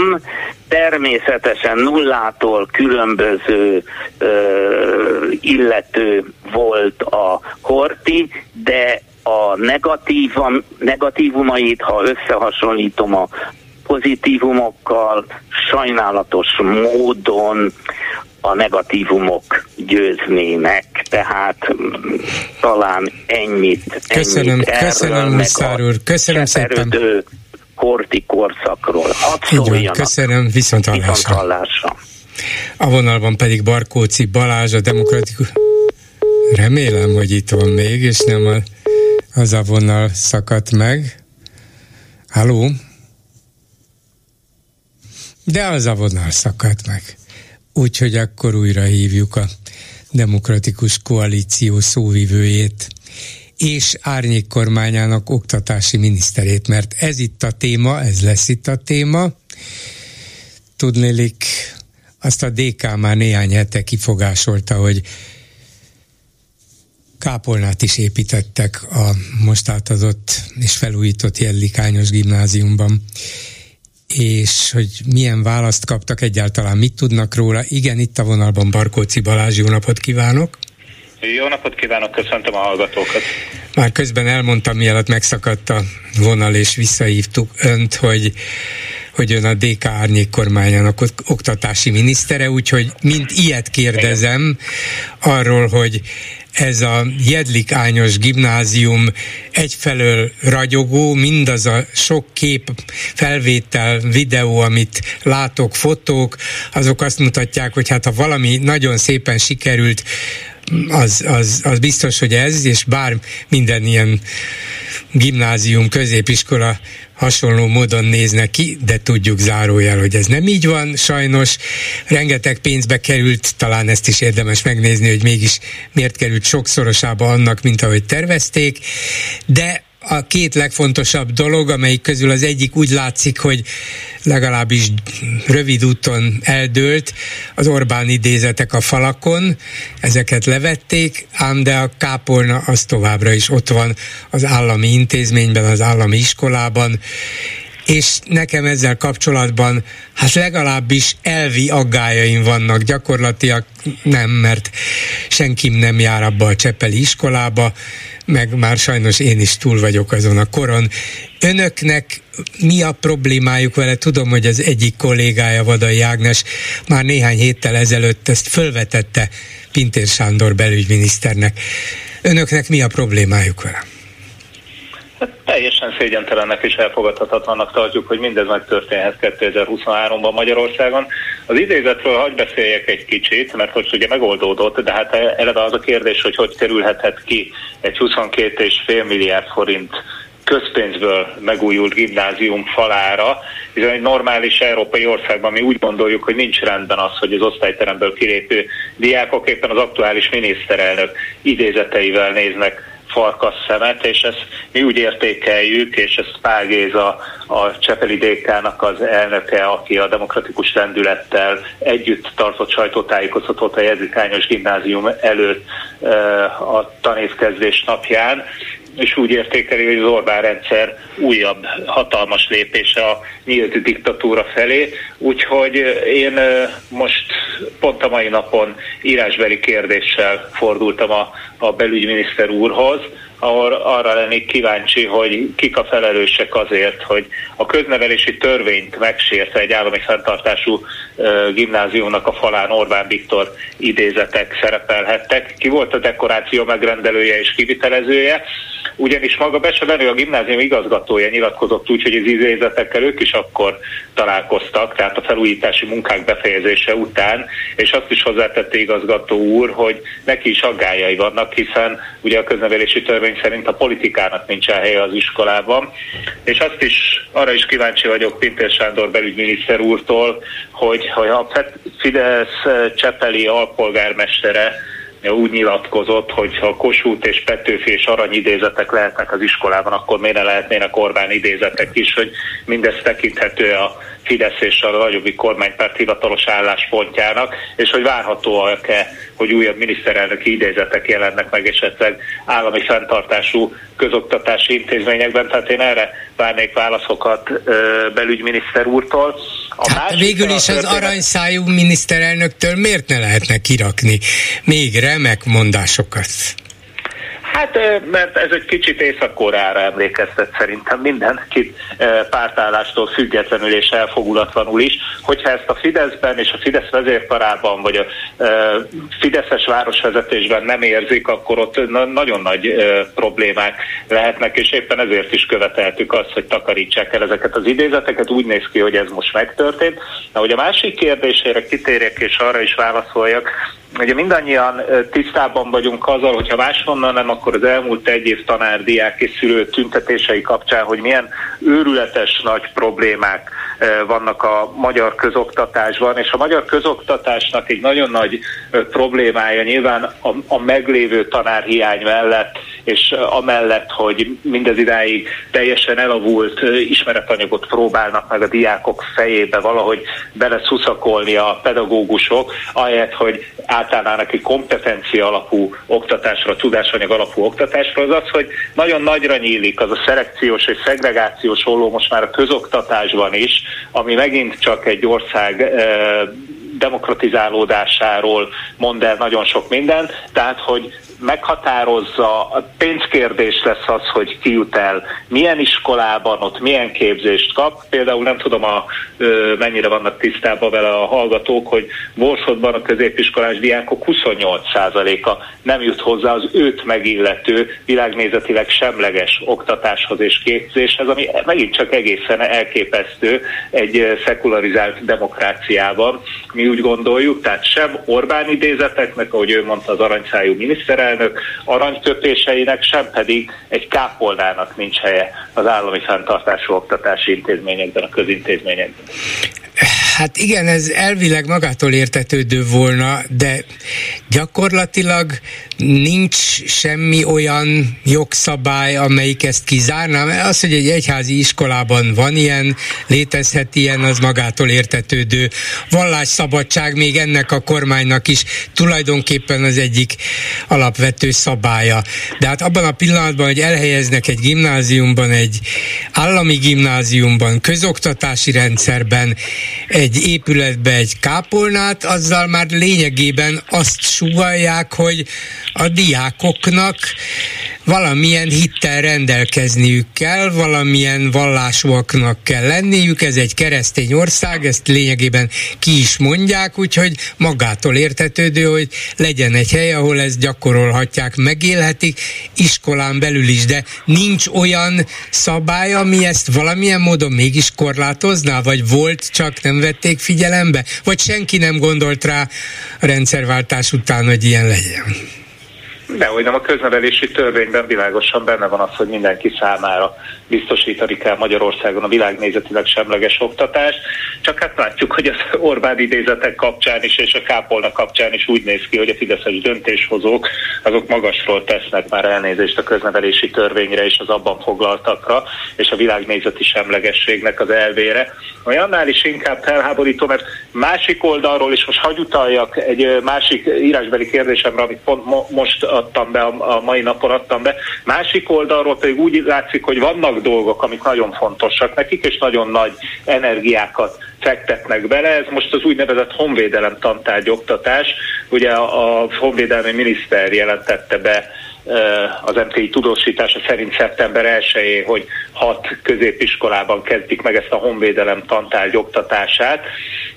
Ezeket a középiskolákat nem tudjuk, hogy melyek ezek, erre is rákérdeztem az írásbeli kérdésemre. Ben, ezeket a belügyminisztérium és a kulturális és innovációs minisztérium választotta ki, ugye is szakképző intézmények is vannak ebben, és a honvédelmi miniszter közlése szerint itt ezekben a kiválasztott intézményekben a 9 11. osztályos tanulóknak kötelezőek lesznek a foglalkozások, amit kiválasztott katona oktatók fognak tartani, akik egyenruhában fognak megjelenni. És ugye rengeteg probléma van, ezzel egyrészt az alapkérdés az, hogy még van szükség honvédelem tantárgy és lőelmélet, meg nem is tudom, hogy mik vannak ebben oktatására az állami közoktatásban, középszinten, de ugye az is, hogy egy osztatlan tanárképzésben végzett hallgató hat fél éves pedagógiai és pszichológiai képzést kap, hospitáláson kell átesnie, próbatanításon, vizsgatanításon, kollégák, én tanítottam 12 évig, tehát kollégák még emlékeznek rá az én kollégáim, pedagógusok, hogy nekünk mindezt végig kellett csinálni, ugye szakdolgoznunk kellett, vagy a szakdolgozatunkhoz csatolni egy úgynevezett pedagógiai mellékletet, és államvizsgáznunk kellett azokból a tárgyakból, mielőtt megkaptuk azt a diplomát, amiben az szerepelt az enyémben, hogy magyar nyelv és irodalom szakos bölcsész és középiskolai tanár. Tehát azért érdekes, hogy milyen pedagógiai továbbképzést kaptak ezek a katonaoktatók ilyen gyors tanvalóban, és milyen szempontok alapján lettek kiválasztva,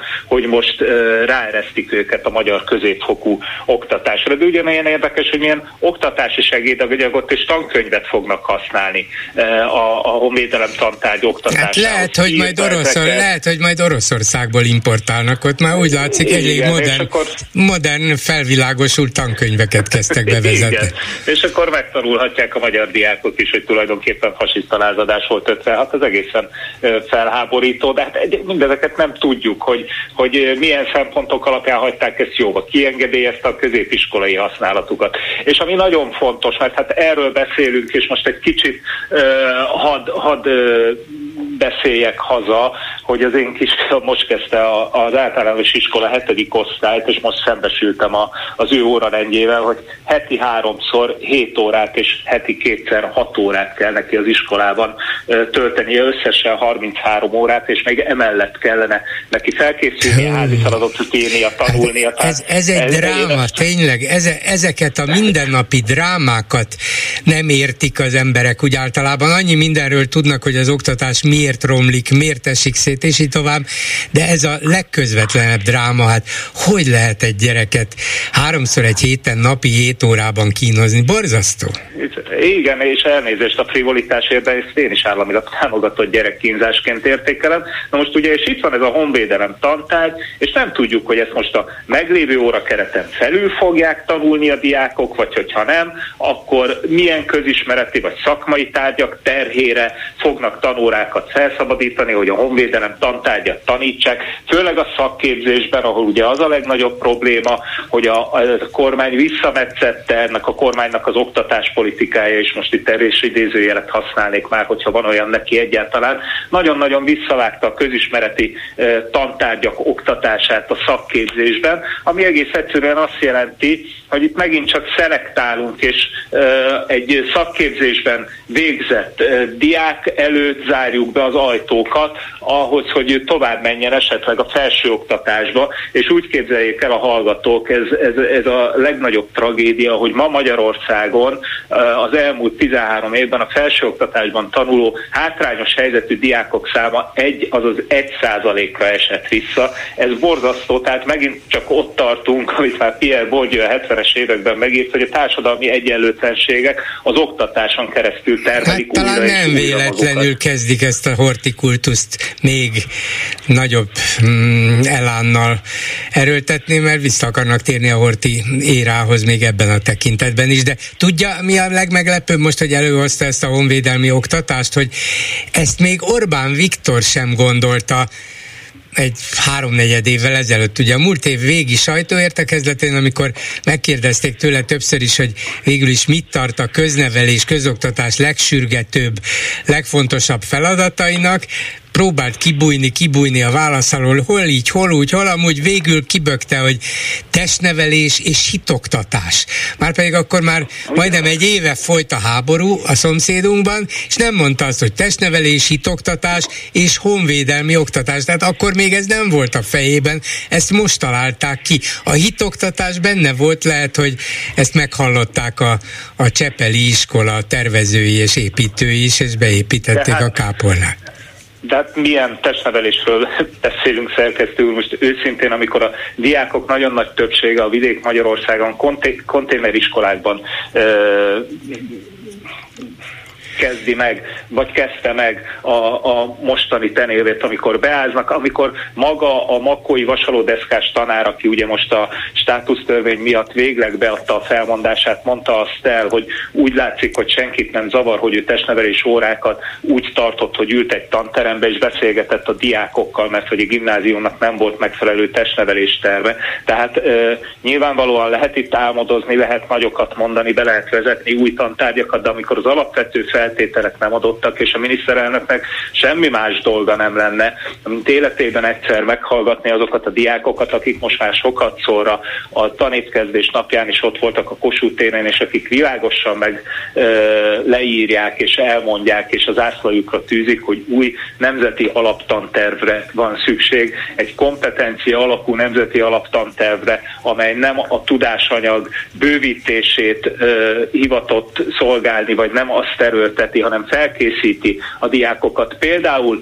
a fenntartató fejlődés jelentette kihívásokra, például a mesterséges intelligencia jelentette kihívásokra, ezeknek semmi köze nincs most a magyar közoktatáshoz, és nem is látjuk úgy, hogy a jövőben lenne. Ehhez képest a magyar mit diák mit tanul, ugye ezt a napi testnevelést, amit úgy sem tud teljesíteni, mert nincsenek meg Körbe kell tárgyi, futni ezt a, konténert. Sem. Körbe kell futni többször. Igen, igen, igen.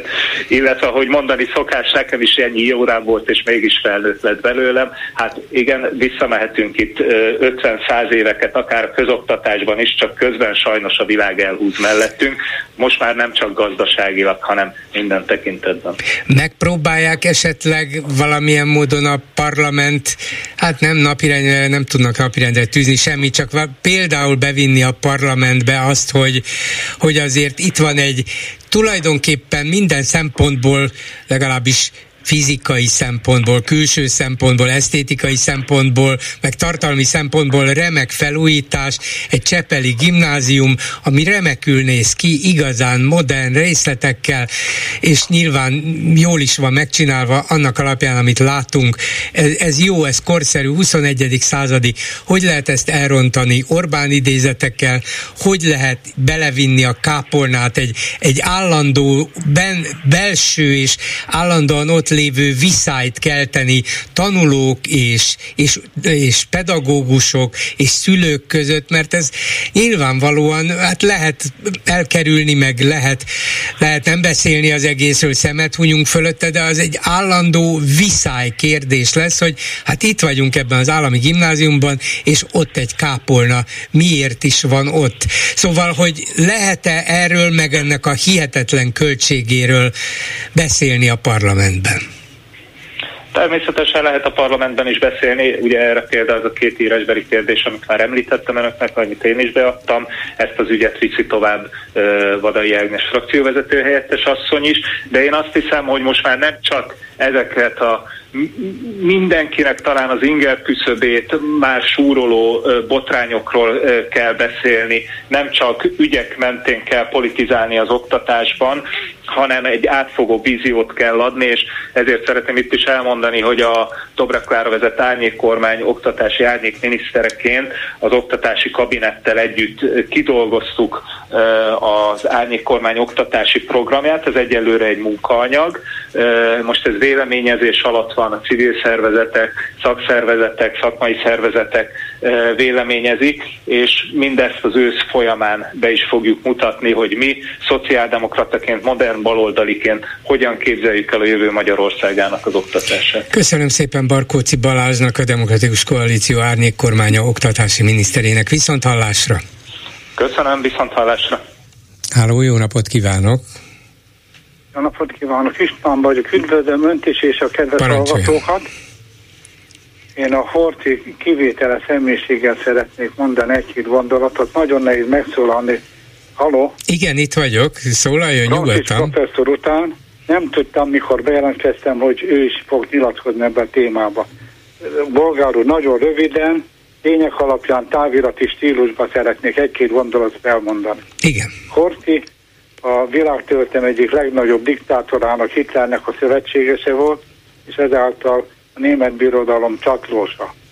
Horthy tudtával és hozzájárulásával üzent Magyarország hadat az Egyesült Államoknak. Horthy tudtával és hozzájárulásával deportálták a vidéki zsidóságot, és 437 ezer zsidó honfitársunkat megsemmisítő táborokba vitték. Horthy tudtával és hozzájárulásával vitték ki a Donkanyarba a másik magyar hadsereget, több mint 200 ezer embert, és ebből több mint több tízezer katona életét vesztettem. Összesen a Horti Miklós és a Horti kormányzat félmillió ember életével kellene elszámolni. Ez volt a veszteség. Így van. Röviden, és, és ez, a legsúly, ez a legsúlyosabb örökség. A háború Igen. után a győztes nagyhatalmak úgy ítélték meg egyes országokat, hogy a fasizmus ellen milyen mértékben vettek részt annak leverésében, és a zsidókat milyen mértékben tudták megmenteni. Most két apró példát említenék. A Franciaországot is a németek nagy részt megszállták, egy kisebb rész ugye kollaboráns volt, együttműködött, de a zsidóság nagy részét megmentették. Dánia, amikor érezte a veszélyt, akkor a zsidó honfitársait hajókkal Svédországba szállították. Mondok egy másikat. Bulgária szintén szövetségese volt Hitlernek, és Romániától követelte Dél Dobrudzsát. Hitlertől megkapta, mikor vége volt a világháborúnak, akkor ezt a területet megtarthatta, mert Bulgária egyetlen egy katonát nem küldött el a Szovjetunió elleni hadjárat. Magyarország mind a két területen, tehát a fasizmus leverésében és a zsidók mentésében is nagyon rosszul szerepelt. Ennek a története már egy másik kérdés jelentene. Ennyit szerettem volna röviden elmondani.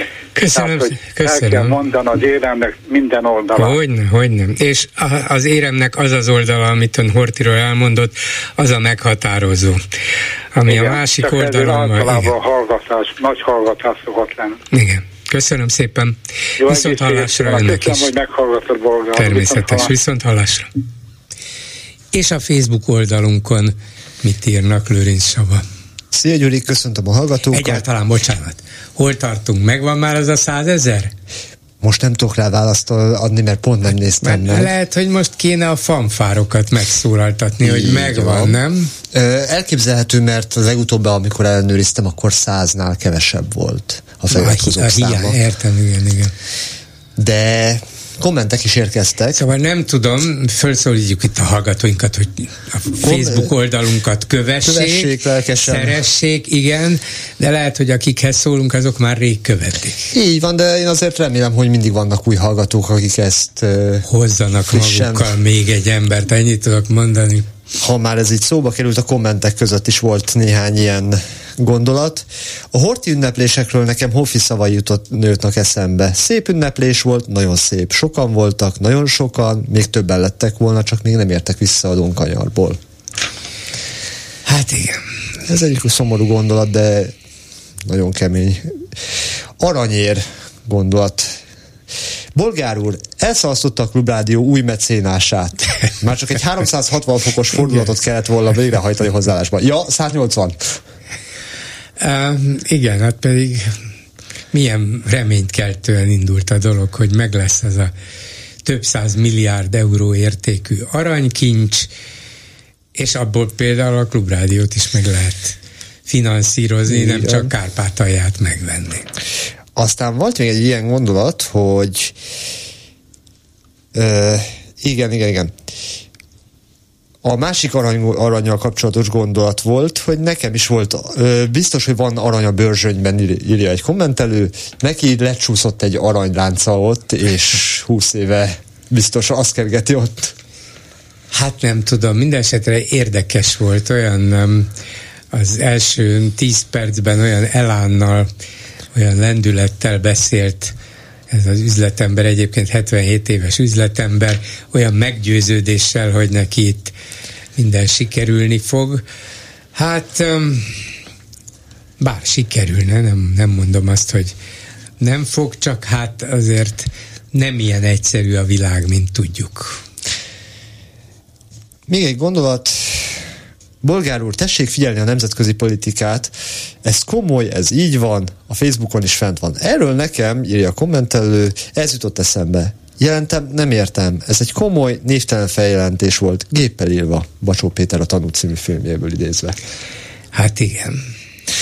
Aztán még egy gondot. Az állami oktatási intézmény szekularizált. szekularizált. Ergo no kápolna, ennyi ugyanerre a gondolatra. Én nem is értem, hogy sokan mit nem értenek ezen az iskolai kápolná építésen. A jendikányos iskolát feltehetőleg előbb-utóbb átjátszák az egyháznak. Zárójelben inkább előbb. Jaj, jaj, lehet, hogy rátapintott valamire a, a hallgató. Hát eh, nem lehetetlen, abszolút nem lehetetlen. De, de azért van még egy olyan olvasat is, hogy nem kell mindent átjátszani, elég, hogyha az állami oktatásban is ott van a, az egyház, meg a hit, meg a vallás, meg egyáltalán minden ideológiai iránymutatás, amit felülről megadunk az iskoláknak, és akkor legyen az Magyarország hét törvénye alá Orbán Viktor, vagy legyen az a kápolna. A lényeg az, hogy Magyarország olyan legyen, amilyennek ők akarják, és Magyarország legyen az övék. Ennyi. Nekem kicsit ilyen díszletszaga van az egésznek, de ez az én véleményem. Ennyi lett volna a komment szekció. Köszönöm szépen, egybe telefonáló a vonalban, jó napot kívánok! Üdvözlöm, Bolgár úr! A, hát ehhez én még annyit, amit az, el, amit az előbb elhangzott, hogy a állami iskolák átjátszása az egyháznak, ez tervszerűen folyik, én úgy veszem észre, mert ahogy a tanárokat kiebrudalják, hát nekem már sokszor megfordult ez a fejemben, hogy tulajdonképpen ellehetetlenítik az állami oktatást. De hát a még más... az egyházi iskolák tanárai is tiltakoztak az elmúlt egy-másfél évben az oktatás lezüllesztése ellen egyes egyházi iskolák. Jó, egyes egyházi iskolák, de azért az több volt a, a minimálisnál. Már maga az a tény, hogy katolikus, evangélikus, egyéb iskolák és tekintélyes iskolák tanári kara mondta azt, hogy ez nem jól van így. Ez, ez fontos üzenet. Nem nagyon hallottuk azért ennek a, hogy mondjam, a hangját. Volt róla szó, tény, megemlítették, de ennyi. Ö, bocsánat, de még a Horti kérdéshez.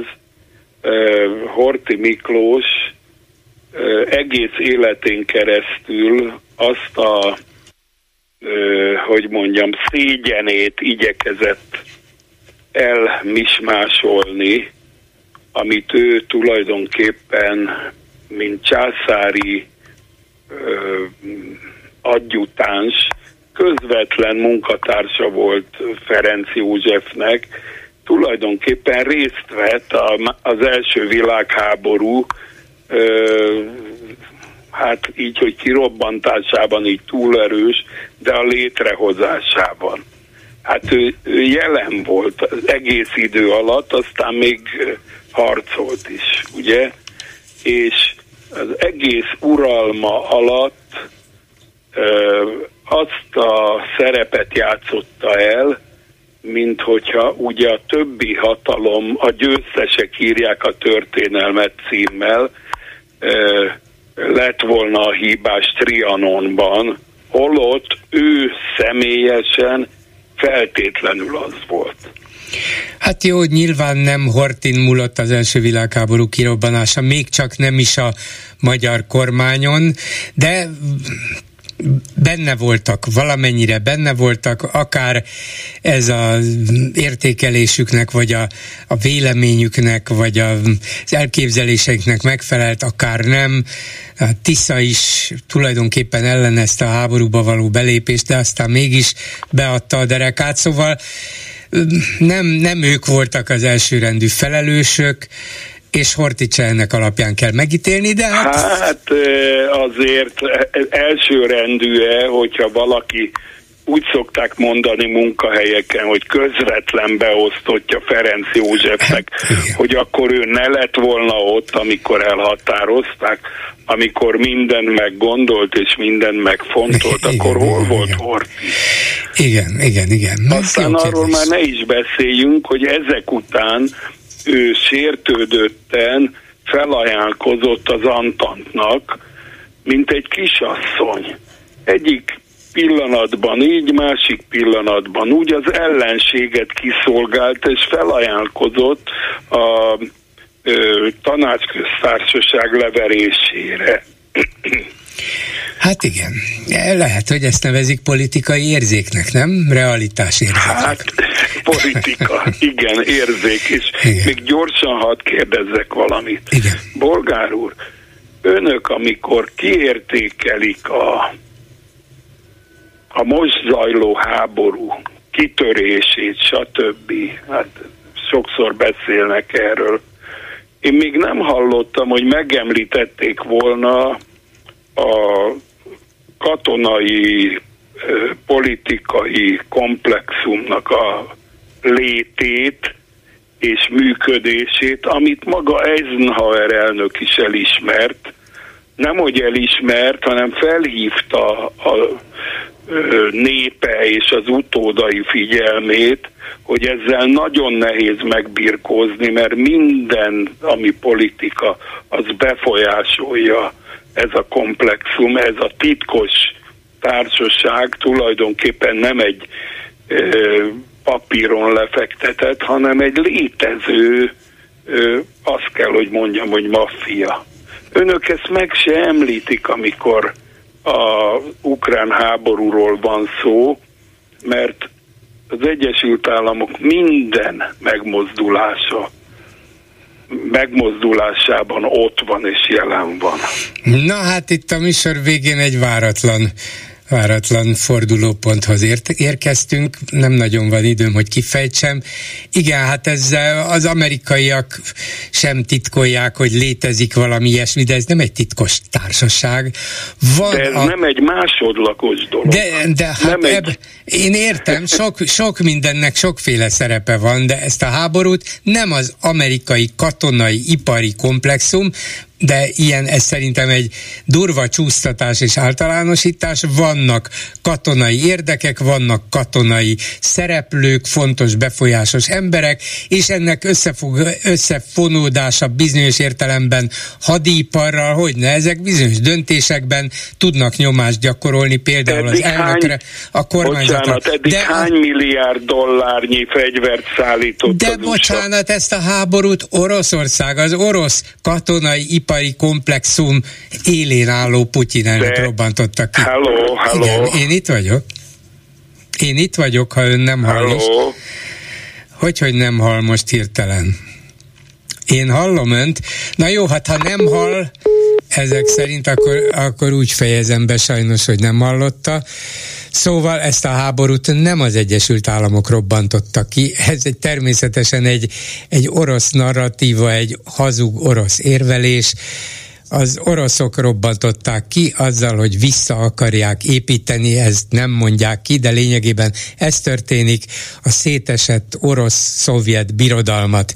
Ehhez Ukrajnát megpróbálták részben elfoglalni, részben a kormányt leváltani, az, hogy az amerikaiak támogatták a megtámadott Ukrajnát, ezt ez pedig magától értetődő, nem csak azért, mert ez egy független ország, amelynek létét Oroszország is elismerte, az Egyesült Államok is, Európa is, és ez az ország meg akarja magát védeni, hanem azért is érthető, mert ha az oroszoknak szabad utat engednek, hogy eljöjjenek megint Magyarországig, Lengyelországig, Szlovákiáig, Romániáig, akkor ebből az következik, hogy egy agresszornak adnak szabad utat, és lehetővé teszik, hogy erőszakkal, katonai nyomással, fenyegetéssel próbálja meg Európát megint befolyásolni, nyomást gyakorolni rá.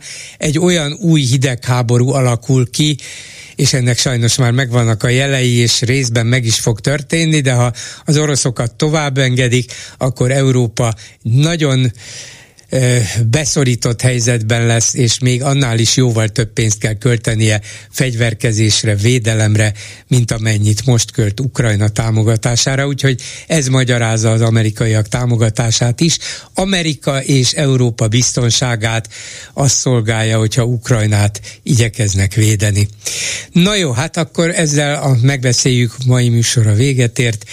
Készítésében közreműködött Král Kevin, Lőrinc Csaba, Simon Erika, Szabó Csilla és Csorba László, Bolgár Györgyöt hallották, viszont hallásra holnap, most pedig jön az Esti Gyors. Esti Gyors, a hírek háttere. Jó napot Európa, jó napot nagyvilág, üdvözlök mindenkit, aki Magyarország és a Szabad Európa maradék magyar hangját hallgatja, akár az egész földkerekségen, internetes oldalunkon, Youtube-ján, telefonján, wifi rádióján, számítógépén vagy a vasalóján jogunk van szólni.